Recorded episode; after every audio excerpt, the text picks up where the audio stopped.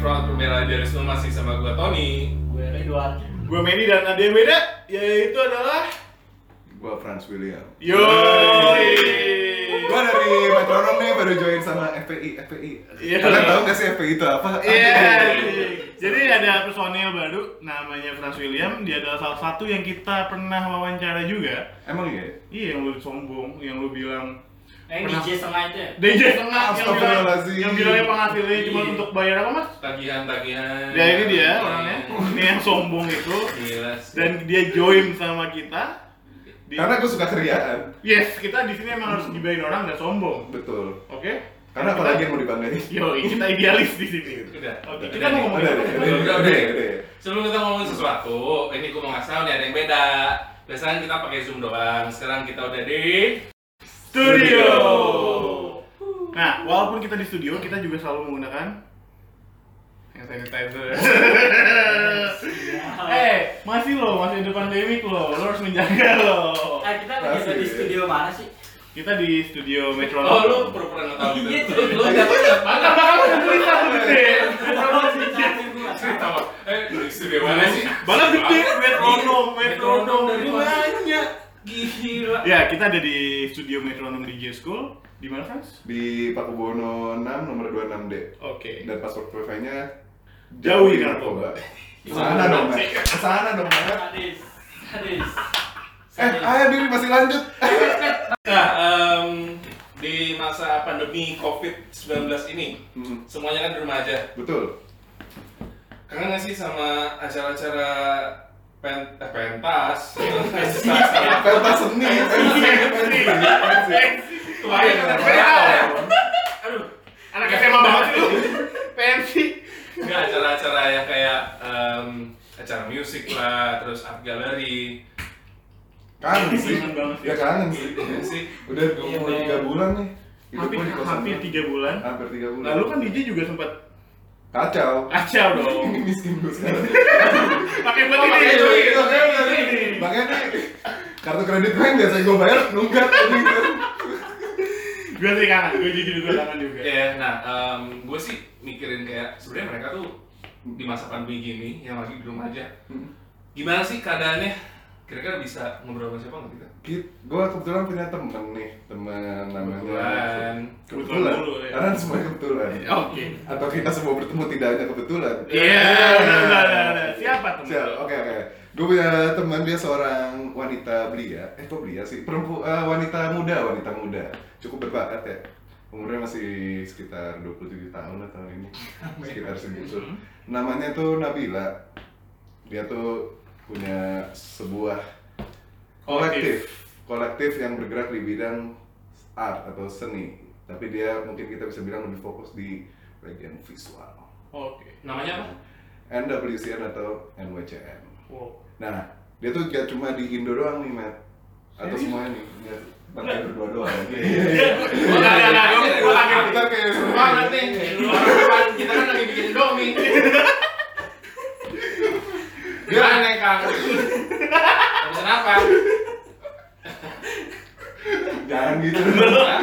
Mangan. Karaore. Begini boleh dong?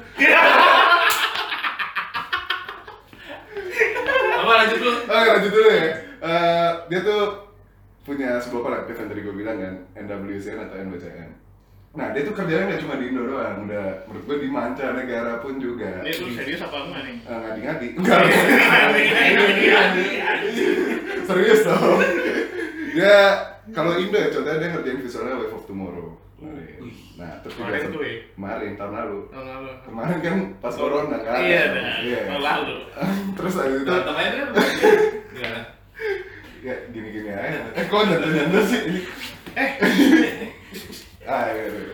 Nah, terus habis itu di Malaysia juga mereka ada project juga. Biasanya mereka exhibition di sana kayak gitu. Wow. Terus juga mereka masing-masing mereka ini yang mendirikan NWCN kan ada tiga orang nih. Hmm. Nah mereka tuh punya experience mereka masing-masing memang udah banyak kerjaannya tuh nggak cuma di Indo doang. Apa yang project-project mereka semuanya banyak dari negara-negara lain kayak gitu. belum internasional nih. Akhirnya mereka bertiga tuh bersatu. Jadi apa ya? Kolektif kan tadi udah coba. Bego. Gue gak jadi nih. Nih, gue baca sedikit lah. Ini gue habis research. eh, jadi mereka tuh pernah di acara apa nih namanya? Eh, Wave. Wave of Tomorrow. Itu salah satu event musik paling berpengaruh menurut Geostix. Keren ya? Keren. Keren. Terus Temen gue. seni tiga, eh, terus in, eh, apa nih? Supersonic 27, Random Brothers, X Dea Dalila itu di Institut Franchise di Indonesia. Waduh. Prancis. Mana Paris tuh? Prancis. Oke, next. Sorry ya. ini ini semakin seru atau perasaan gue doang nih sebenarnya.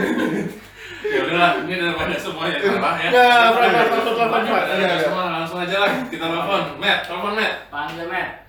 Bentar, bentar, bentar, Bumper.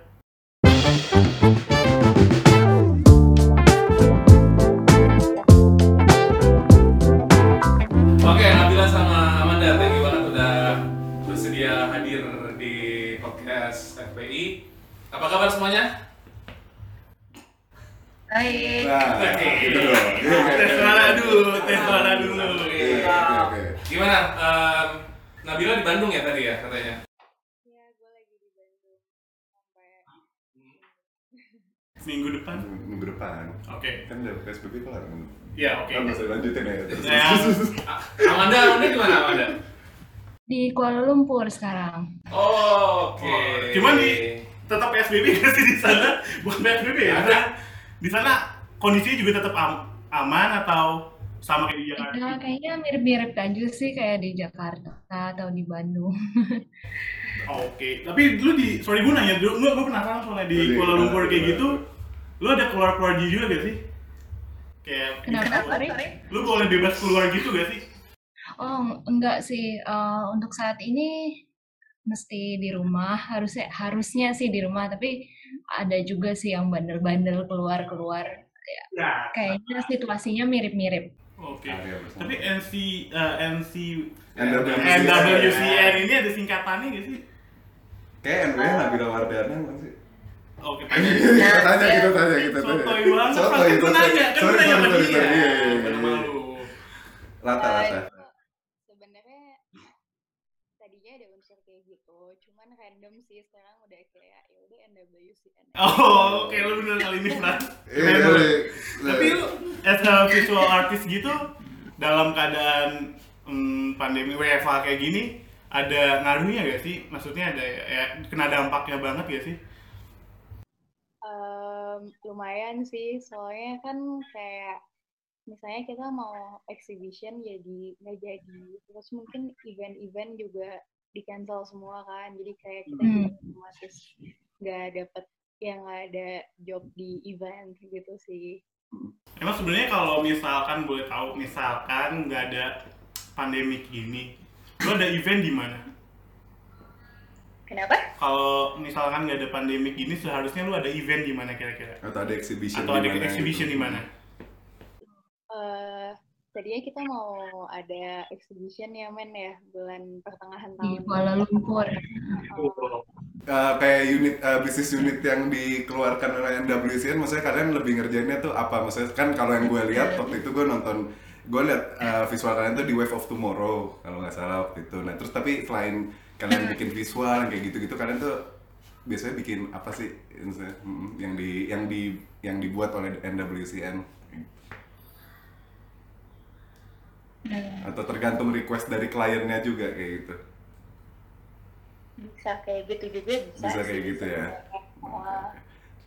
Terus kayak em, sebenarnya kita tuh awalnya kan lebih ke art kolektif Mm, mm, jadi emang lebih kayak eh, lebih bikin karya sih cuman mm. Terus jadi kita tuh sebenarnya ada dua part gitu. Jadi kita punya NWCN Studio. Studio tuh yang komersialnya, yang kayak kemarin kita ngerjain buat Wave of Tomorrow. Terus udah gitu yang buat eh, waktu itu Franz pernah datang juga yang pas acaranya in situ di Goods Diner Ah, ah, yang ada Dark Knight and Lex.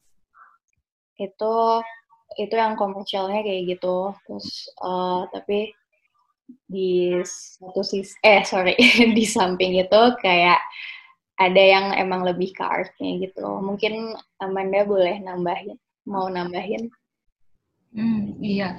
Dan kayaknya untuk uh, sejauh ini kayaknya gue lebih uh, megang, megang atau lebih banyak bekerja sama sama Bibil dan Hilzam untuk di artnya.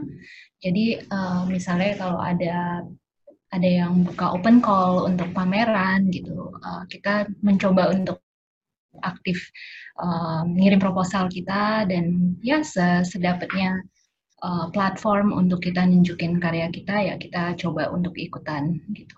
Jadi uh, bentuknya juga macam-macam sih. Uh, kayak misalnya nggak harus pameran tahun lalu misalnya di Kuala Lumpur kita malah masuk di di bawah performance gitu. Uh, jadi uh, visual kita ngisi performance theater uh, di di sini di Kuala Lumpur. Jadi ya sebenarnya eksperimental banget dan ya tadi ngomongin pandemik juga kan. Untungnya sih banyak karya bahkan kebanyakan karya NWCN bentuknya digital. Jadi selama pandemik ini sebenarnya kita nemu platform-platform baru sih untuk uh, nunjukin karya kita yang emang udah dari sananya digital gitu. Oh jadi lo lebih ngulik ya dengan adanya pandemik ini lo lebih ngulik uh, platform-platform yang ada kayak gitu? Iya ya dan um, mungkin sekarang juga kepikiran untuk bikin sesuatu yang uh, misalnya uh, tadinya kita mau pameran ya gimana caranya tetap pamerannya tetap jalan tapi uh, dengan situasi yang ada gitu misalnya pakai platform digital gitu. Oke, okay. sama gue gue juga ngulik Fran soalnya. Kalau di sini gue ngulik-ngulik video. Hmm. Tapi NW yeah. uh, NC N N gue susah banget ngomong Lu tau gue kan Atau kan NWCN deh NWCN Lu udah berarti udah berapa NWC Maaf ya, gue tuh orangnya emang lidahnya pendek Jadi suka belibet kalau ngomong Nah, Terus N panjang kenapa? Ya, lihai Nah, NC NWCN ini sebenarnya udah berapa udah berapa lama sih? Kita start tuh bulan Agustus tahun 2018. Oke. Okay. Jadi kayak tahun ini mau dua tahun sih. Tapi udah udah, udah sampai mancanegara. Udah mancanegara ya, udah nggak di Jakarta udah internasional lah ya. Hmm. Nah lu boleh tahu gak sih pertama kalinya waktu lu perform sebagai visual artist kayak gitu itu di mana dan gimana perasaan lu waktu pertama kali Um, pertama kalinya banget sebenarnya kalau misalnya kita untuk masing-masing sih, uh, gimana ya, kalau kita masing-masing sih kayak udah ada experience masing-masing. Cuman kalau misalnya yang buat NWCN-nya sendiri itu kayak kita ininya digital dulu sih. Jadi kita punya karya namanya Origin. Jadi emang kita itu, apa namanya, uh, exhibitionnya ya kayak di digital aja gitu mungkin kayak di Instagram kayak gitu-gitu dulu terus akhirnya kita baru waktu itu uh, bulan Januari 2019 eh sorry Januari Februari ya. Kayak gue lupa. Pokoknya sekitar Januari Februari kita uh, pertama kali bikin yang buat Darker Than Wax itu di Goods Diner. Terus baru setelah-setelahnya ada project-project lagi. Terus di bulan uh, Seingat gue antara Februari atau Maret, kita waktu itu ngerjain buat Random Brothers juga. Tapi waktu itu yang kebetulan kita bukan banyak ya? Uh, bukan sorry? Banyak juga ya. Pertamanya banyak banget ya. Dulu. Ini kan ini kan cerita yeah. dari awal sampai ke sekarang. Seru Sabar dong. Ya seru. Sabar. Gue seru banget. Iya iya iya. Mau lanjutin? Lu lanjutin. Sorry sorry sorry. Iya iya. Iya terus uh, waktu bulan Februari atau Maret itu ya di antara itu kayak kita bikin buat music videonya Random Brothers gitu. Cuman karena memang kayak kita selalu ada nggak selalu melulu visual, jadi kayak misalnya waktu itu sih kalau misalnya gue sendiri jadi kayak stylistnya mereka, terus uh, Hilzam atau Koun, dia jadi videografernya dan Amanda nulis gitu. Tapi tapi uh, itu basic kalian sebagai visual art itu apa sih sebenarnya kalian basic kuliahnya dulu apa gitu? Uh, kebetulan kalau kita beda-beda. ke eh, kalau misalnya gue sendiri gue tuh gue tuh kayak pindah-pindah gitu kuliahnya Oh. Tapi kan kalau dia pinter, itu kan? ya pindah-pindahnya Kalau kan lu. Kalau gua di DO kan, Iya, kalau itu gua pindah. Dia pindah, Iya, kalau dia di pindah. DO. Iya, Beda konteks Iya, gitu. Gua transkrip nilai gitu. Iya. Oke, boleh lanjut. Oke. Iya, sorry, sorry. Gue pin- gue pindah-pindah kayak apa namanya jadi transkrip transkrip gitu. Terus jadi awal awalnya banget gue kuliah gue kuliahnya product design product design tapi slash gitu. Kayak gue ngambil double sama DKV sih. Hmm.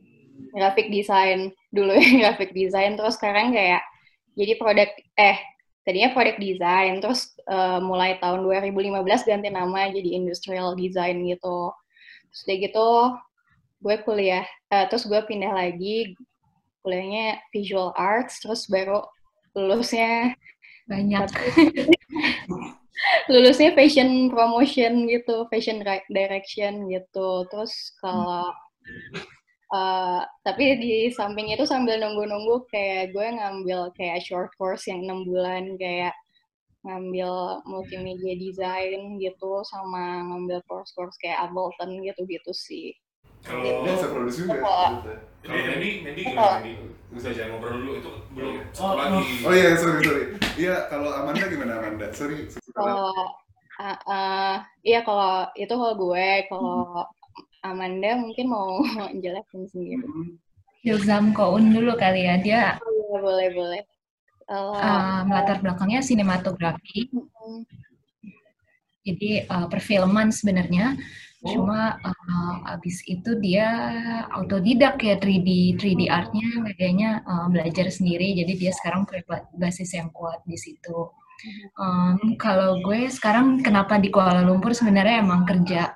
Jadi main main jobnya, day jobnya itu uh, kerja di galeri, galeri seni uh, seni kontemporer, jualan karya lah intinya. Jadi uh, profesinya berarti kurator sebenarnya namanya. Jadi emang belajarnya di kuratorial.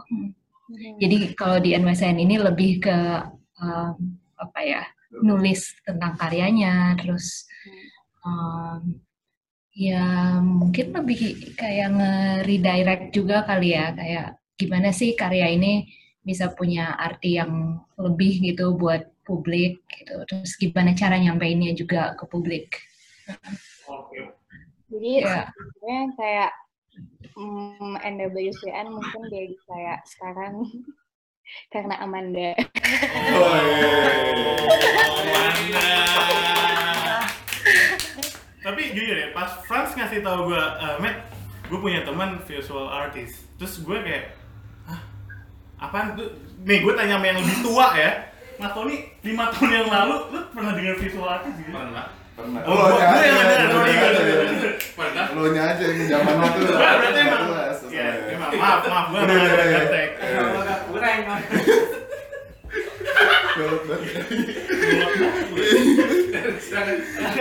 Tapi kadang eh, orang ada yang nanya gak sih ke lu kayak lu kerja apa lu eh, lu kerja apa sih terus lu bilang visual artist ada yang tanya gak sih kayak gue yang kayak apaan sih tuh? kayak gitu. Um, apa karena gue doang? Bego gue tergantung circle-nya sih. Nah, Nah, Ya. kan.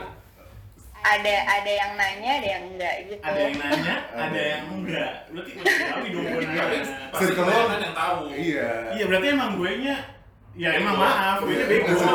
Bodoh. kayak gitu. Sorry. Sorry gue emang kayak gitu. Gaptek orangnya Udah. Udah, udah. Oke, ya udah udah. Eh, um, nah, Dan eh, di kurator juga banyak banget yang nanya. Apa tuh? banyak sih kurator kerjanya? Itu udah sering banget sih. Nah, banyak yang nanya karena Tapi wajar sih karena emang bidangnya emang juga baru gitu. Mm. oh bidang baru Frans mas Sebenarnya mungkin Wajar. Eh, enggak, tapi kalau dulu pas gue ya, lima tahun lalu ya gue tau visual artist tuh VJ karena lu juga DJ Visual kan joki, iya Ya, eh, soalnya kayak Random Brothers kemarin kalian bikinin visualnya kan ya kalau nggak salah ya? kalau Visual yang pas video clip eh, gitu. Mm. yang random gadaksnya yang mana nih?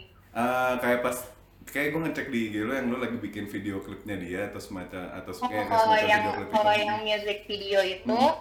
itu kebetulan ya kita bukan kita bukan bikin visualnya sih di situ Itu itu lebih ke mana itu berarti?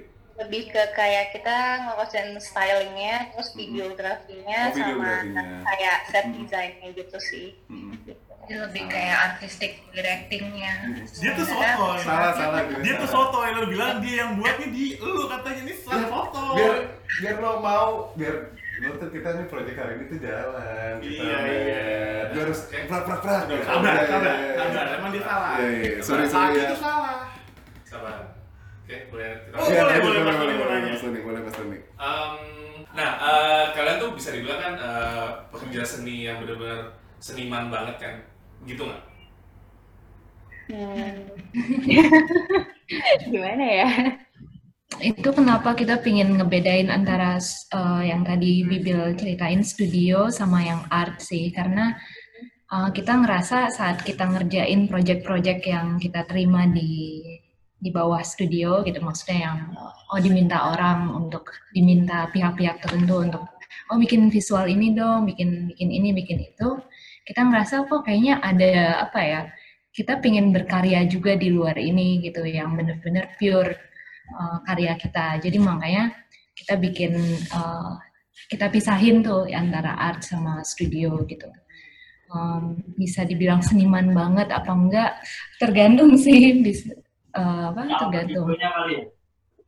relatif sih. Jadi kalau kita emang lagi memposisikan diri kita di bawah yang art, ya emang kita jadi seniman gitu. Uh, Bibil dan dan Koun jadi seniman karena uh, nggak ada tuntutan sama sekali kan, benar-benar pure art aja gitu. Dan tapi kalau di bawah studio ya kita mungkin lebih ke apa ya jatuhnya pelaku kreatif gitu, di mana kita um, ya menggunakan kreativitas kita tapi juga uh, ada permintaan-permintaan tertentu gitu. Nah, eh, dari lu visual artist ini, kalau menurut gue ya, ketika lu menjadi suatu, ya lu bisa bilang seniman atau enggak, cuman kan lu pekerja seni lah, lu bisa membuat sesuatu vis secara visual kayak gitu. Nah, eh, lu butuh sesuatu yang idealis gak sih dari pekerjaan lu yang ini? Apa lu Ya. harus ngikutin atau gimana? Atau lu punya, mungkin bisa dibilang apa ya? mungkin lebih kayak saat lo misalnya ada bekerja sama dengan Klien, gitu kan ah. itu lo cara memporsikan pasti kan lo dalam membuat suatu karya ya atau membuat suatu seni kan itu pasti lo mempunyai sisi idealis lo sendiri kan taste lo sendiri selera lo sendiri kan nah itu lo cara untuk menyeimbangkan dengan keinginan klien lo biasanya tuh gimana tuh soalnya kan itu kadang hal Nah, lu kan betul ya sama klien-klien kayak gitu. Kadang klien minta apa, ah, lu kadang nggak sesuai dengan ah, ah. idealisme lu. Nah, lu menjaga itu seperti itu apa? menjaga itu seperti apa biar tetap eh, ongoing gitu projectnya Hmm. Eh, biasanya sih dimulai dari kayak mungkin pemilihan warna aja sesimpel pemilihan warna biasanya kayak misalnya kliennya pengennya kayak gini. Biasanya sih kita jarang sih sebenarnya kayak punya klien yang kayak maunya gini banget gitu. Kayak maunya harus kayak gini banget udah ada ketentuannya dari dia.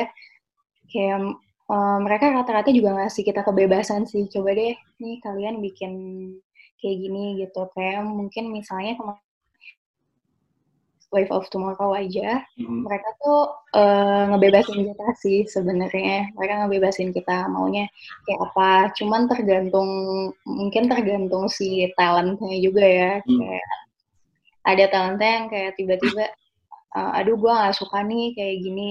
Akhirnya kayak ya udah, gue mau mau pakai visual yang dari fotografer gue aja gitu. Ada sih momen-momen kayak gitu juga gitu.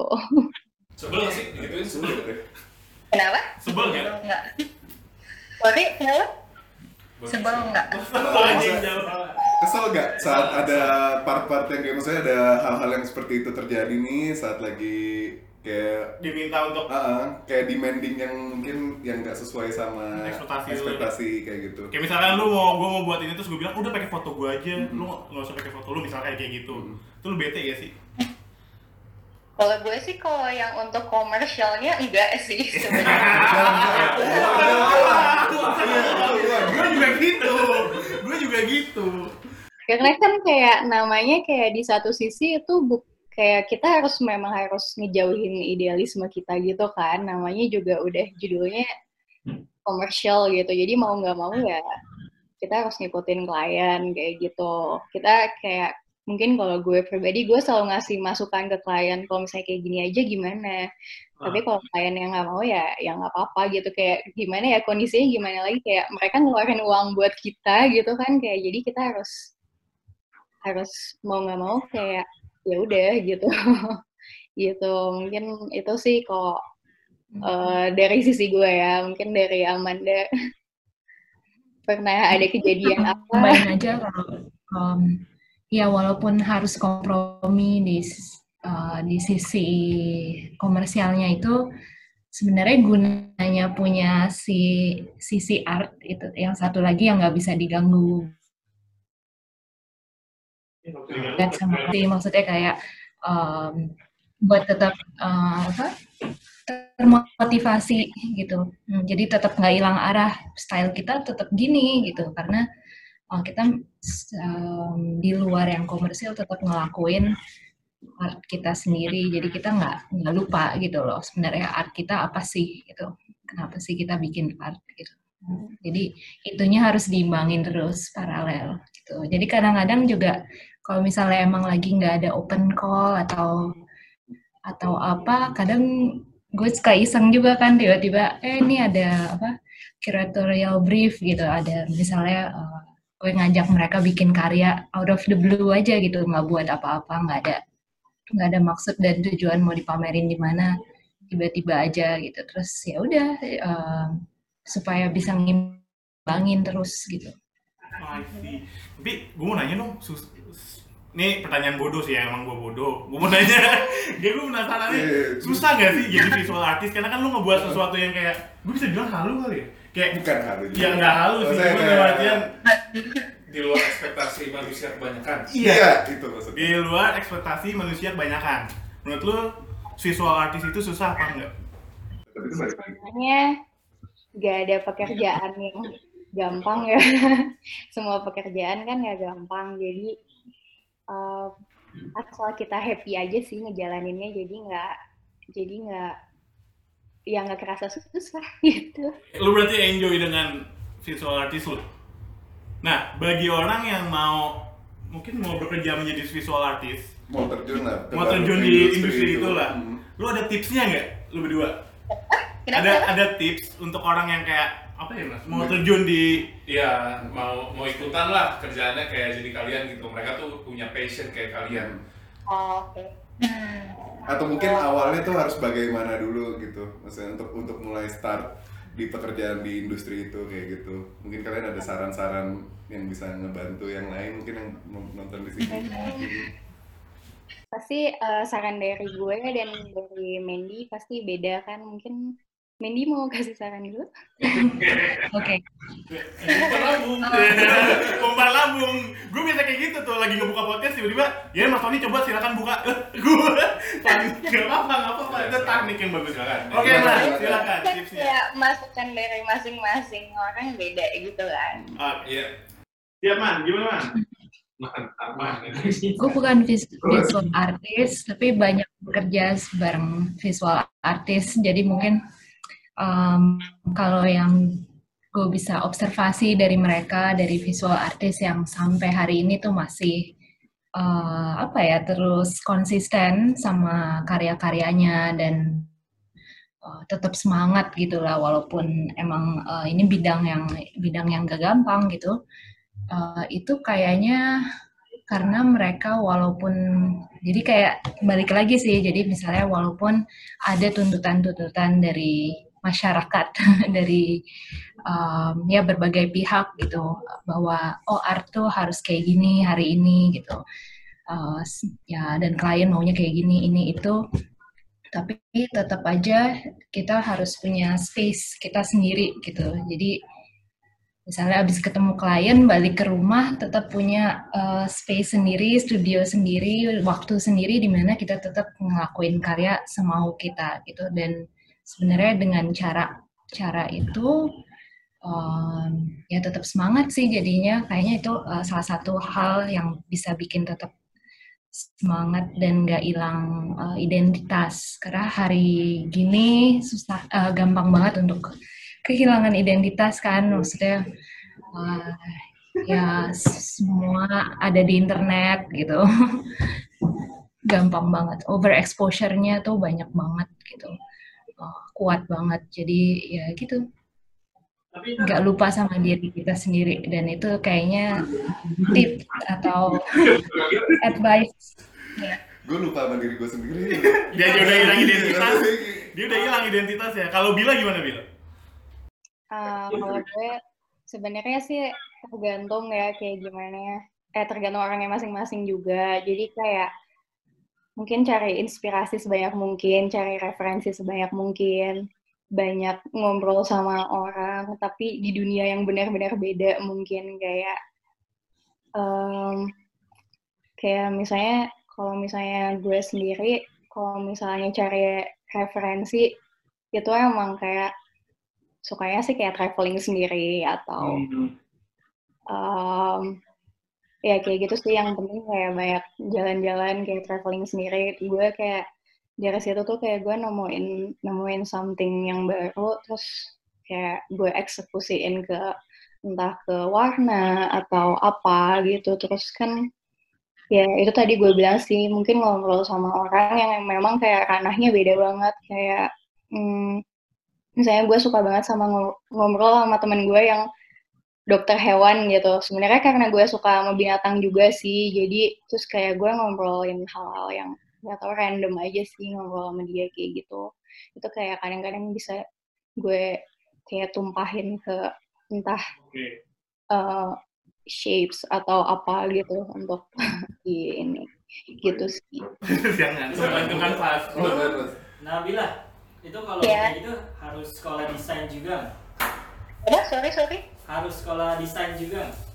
Kalau apa tuh? Kalau buat jadi visual artist gitu. Em, sebenarnya sih banyak juga ya yang otodidak gitu. Jadi kayaknya tergantung juga orangnya kalau misalnya bisa belajar sendiri kayak kenapa enggak juga gitu. Tapi kalau misalnya memang ya mau ya kalau misalnya emang mau sekolah desain itu kayak lebih baik lagi gitu. Jadi kayak kita nggak cuman apa namanya Ada base-nya lah ya. Ada core-nya. Kalau lu maksudnya kalau lu sekolah desain lu ada apa ya? Fondasi. Ada fondasinya. Susah banget. Iya. Lidah gue. Karena sebenarnya kayak tadi gue bilang gue ngambil ngambil banyak short course gitu sama yang gue kuliah eh, maksudnya degree itu kayak gue lebih banyak belajar dari yang short course-nya sih karena dulu tuh gue eh, jujur aja pas zaman kuliah tuh kayak dikejar deadline kayak ini tugasnya kayak misalnya segede-gede suruh bikin typography gitu seribu tapi waktunya cuma seminggu kayak gitu Jadi kayak- Seribu typografi. Iya, seribu desain gitu, A sampai Z, kayak suruh bikin seribu desain gitu. Itu kan eh, sebenarnya nggak cuma terjadi sama gue aja sih, ketika gue ngobrol sama kayak waktu saat itu gue kuliah mahasiswa dan mahasiswa lain, mereka juga bilang kayak ya udah yang penting beres, yang penting gue dapat nilai, yang penting gue lulus. Yang kayak gitu tuh ada gitu. Gua gitu.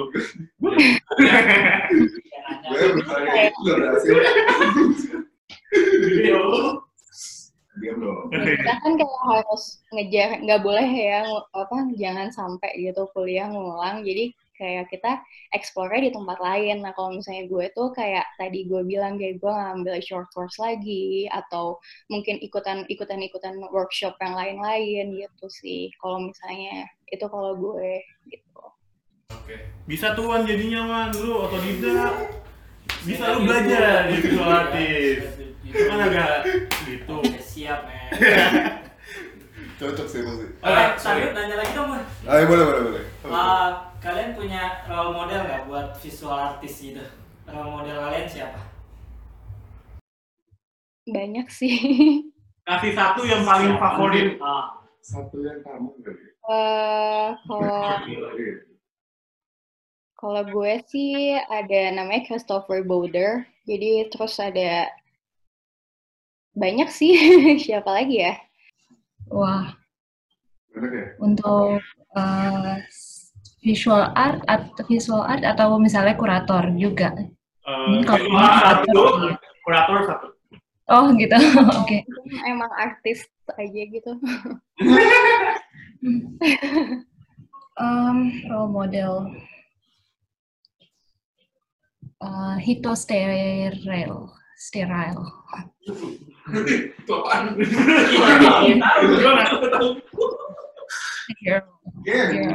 tapi Nggak tahu cara pronounce-nya.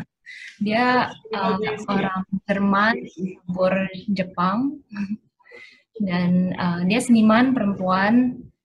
Kebanyakan karyanya digital art. um, tapi mungkin mungkin kenapanya ya, kenapa dia jadi role model? Karena dia kalau buat gue sih dia kurator dan seniman secara bersamaan gitu loh. Jadi dia bisa menciptakan uh, karya tapi juga bisa uh, ngebayangin space-nya gitu. Dan dan karya-karyanya beneran apa ya jadi kita jadi bikin kita mikir gitu jadi karya yang bukan nyampein message gitu tapi malah justru nanya gitu ke kita menurut kalian gimana sih dan um, gue suka karya yang kayak gitu sih yang yang justru malah ngestimulasi kita buat mikir uh, lebih jauh tentang suatu hal gitu Oh, dalam banget ya. Dalam banget sih. Karya tapi bisa mikir gitu. Kayak matematika. Oke. Kalian tuh tergabung dalam apa sih bacanya NWCN apa NWCN. Ya, NWCN. mana aja boleh kan Boleh. Boleh. Nah, boleh jelasin ya. nggak NWCN itu apa sih sebenarnya? Hmm. Eh, siapa yang mau jelasin nih? Boleh. Boleh Bila, boleh Amanda. Bebas, bebas. Boleh ma- main NWCN itu um, awalnya dibentuk oleh Bibil dan Hilzam atau Koun. Jadi Nabila uh, bareng Hilzam waktu itu ngebentuk uh, kolektif di mana mereka mau berkarya bersama intinya. Ngegabungin uh, dua dunia yang beda. Kan kita tadi udah udah ini kan udah dapat introduction dari uh, Bibil tentang uh, backgroundnya dia sendiri yang ma- bermacam-macam gitu yang beragam banget. Uh, plus Hilzam yang uh, lebih ke film dan uh, tertarik dengan uh, visual 3D gitu. Jadi gimana caranya semua ini bisa digabungin jadi satu. Dan itu mere- kenapa mereka um, uh, apa memutuskan buat bikin uh, platform atau kolektif ini. Nah, terus beberapa lama kemudian baru mereka kepikiran untuk uh, ngontak gue terus bilang, eh kita ada kolektif nih mau nggak ikut untuk uh, bagian nulis dan kurasinya gitu. Ya, jadi tujuannya sih sebenarnya untuk supaya kita bisa explore di luar dari uh, bidang kita masing-masing. Jadi mungkin balik lagi ke yang tadi Bibil jelasin gimana dia uh, apa ngobrol sama temennya yang dokter hewan gitu. Itu kan bisa jadi input atau um, inspirasi tersendiri kan. Nah, kita pengen uh, ngejaga itu uh, variasi keragaman itulah intinya. Oke lah. Oke lah. ada, ada gempa. Oke, karena udah jam 9-an eh, si Nabila dan Amanda ini juga katanya ada meeting ya. Hmm. Thank you banget waktunya Iya, semuanya. Bil. Terima kasih banyak udah mau Sorry mampir ngobrol sama kita. Mohon maaf kalau misalnya Ada salah-salah kata. salah-salah kata atau uh, kelamaan tadi nunggunya. Thank you banget sekali lagi Amanda dan uh, Nabila dari NWCN Indonesia ya. Mm-mm. Oke, gitu aja. Oke. Bye. Ditunggu di Jakarta ya. Tunggu di Jakarta. Dah. Bye.